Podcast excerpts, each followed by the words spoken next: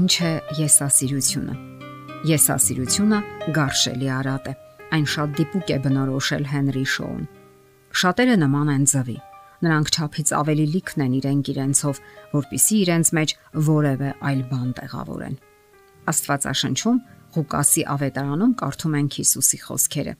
Ամենքին, ով քեզանից ուզում է, դուր։ Քեզանից վերցնողից հետ մի պահանջիր։ Ինչպես ուզում եք, որ մարդիկ ձեզ հետ վարվեն, այնպես էլ դուք վարվեք նրանց հետ։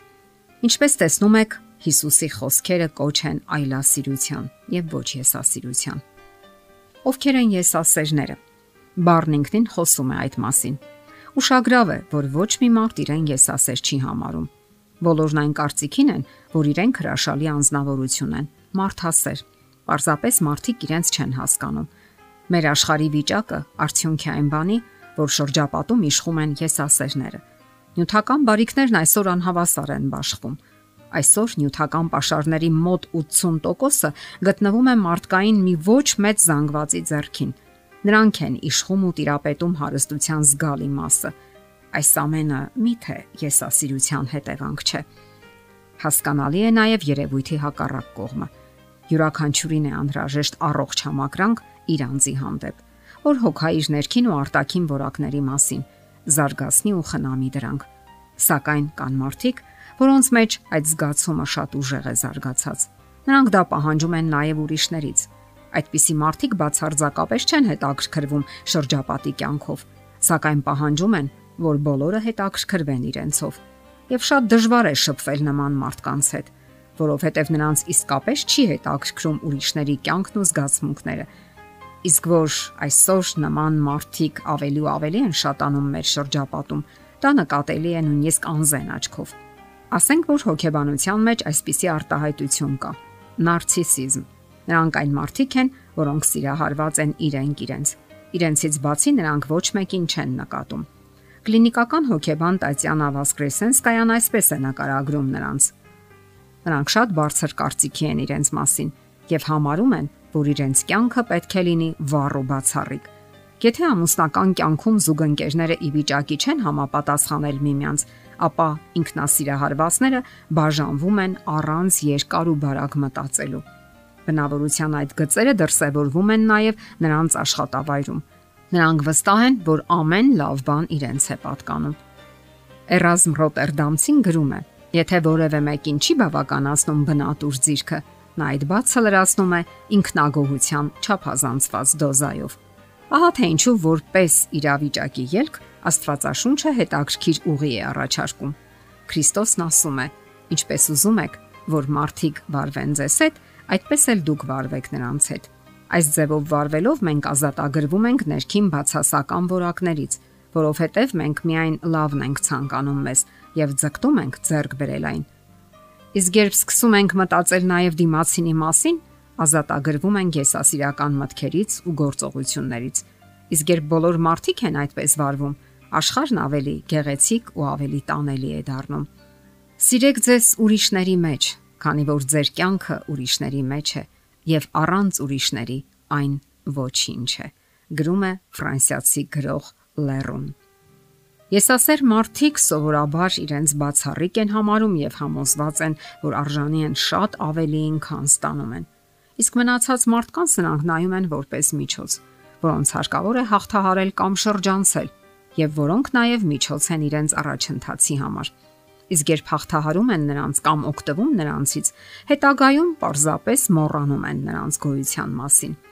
Հետաքրքիր է, որ առաջին հայացքից նման մարդիկ վառ անհատականության տպավորություն են թողնում։ Սակայն ավելի մոտիկից ճանոթանալու դեպքում անմիջապես աչքի է զարնում ներքին դատարկությունը։ Նրանք մտածում են միայն իրենց մասին, իրենց գործերի ու նվաճումների եւ միանգամայն ի վիճակի չեն անցալելու ուրիշների հոգսերն ու ներքին աշխարհը։ Նման մարդկանց կողմից խիստ հազվադեպ են անznազող արարքները, Աստվածաշնչում կարդում ենք, որ այդպիսի մարդիկ կան նույնիսկ հոգևոր աշխարհում, որ նրանք կարող են երկար ու մանրամասն աղոթել։ Նրանք կարող են պաշտոններ զբաղեցնել հոգևոր ոլորտում, եւ այնուամենայնիվ դա այն չէ, ինչ պահանջում է Աստված։ Իսկ Աստված պահանջում է, որ մենք սիրենք բոլորին, առանց շահախնդրության եւ ոչ էլ փոխհատուցման սկզբունքով։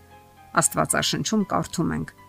Եվ եթե դուք ձեզ սիրողներին սիրեք, ինչ շնորհք է ձեզ, որովհետև մեղավորներն են իրենց սիրողներին սիրում։ Իսկ եթե ձեր բարերարներին բարի անեք, ինչ շնորհք է ձեզ, որովհետև մեղավորներն են այդպես վարվում։ Եվ եթե փոխ եք տալիս նրանց, որ նրանցից հետ առնելու հույս ունեք, ինչ շնորհք է ձեզ, որովհետև մեղավորներն են մեղավորներին փոխ տալիս, որ հավասար չափը հետ առնեն։ Ահա թե երբ է քրիստոնեությունը վերածվում անկյանք գաղափարախոսության, երբ մարդկային գործողություններից վերանում է անշահախնդրությունը եւ յուրաքանչյուր արարք ու գործողություն դառնում է եսասիրության པարզ դրսևորում։ Ի հակադրություն եսասիրության ու շահամոլության Քրիստոսն առաջարկում է անանձնական սեր եւ անշահախնդրություն մեր բոլոր արարքներում ու գործողություններում։ Ահա Քրիստոսի խոսքերը. Սիրեցեք ձեր թշնամիներին, բարիք արեք եւ փող տվեք ոչինչ չակնկալելով, եւ ձեր վարձքը շատ կլինի եւ բարձրյալի worth-իներ կլինեք։ Ես ասիրության մեջ կործանվող աշխարհին Հիսուսը հակադրում է Աստվածային սերը, որը միշտ տալիս է եւ երբեք չի պահանջում։ Այդպիսի սերը եւ առանց շահի ողորմածությունն է, որ միայն կարող է փրկել մեր աշխարհը։ Այդ է պահանջվում իրական քրիստոնեությունից, այլ ոչ ձևական ու անկյանք գաղափարախոսություն եւ գեղեցիկ ու տրամաբանական ճառեր Արարքներ, որոնք ցույց են տալիս Աստծո իրական դեմքն ու էությունը եւ թե ինչպիսին պետք է լինի իրական քրիստոնյան։ Ինչպիսին ենք մենք եւ ինչպիսին է մեր քրիստոնեությունը։ Հիմա մենք կարող ենք մտորել այդ մասին։ Արդյոք այն համապատասխանում է Աստվածաշնչյան իդեալին։ Կարողանում ենք մեր կյանքով ցույց տալ, թե ինչպիսին են հոգեվոր բարձր արժեքները, իդեալները։ Ուրեմն ողորմած եղեք, ինչպես ձեր հայրն էլ ողորմած է։ Ողորմություն նշանակում է տալ մարդուն այն, ինչը նա չի վաստակել եւ ինչին գուցե եւ արժանի չէ։ Դա նշանակում է մարդուն տալ այն, ինչի կարիքը նա ունի։ Եվ դա էլասիրության լավագույն օրինակն է։ Եթերում է ղողանջ հավերժության հաղորդաշարը։ Ձեզ հետ է Գեղեցիկ Մարտիրոսյանը։ Հարցերի եւ առաջարկությունների համար զանգահարել 033 87 87 87 հեռախոսահամարով։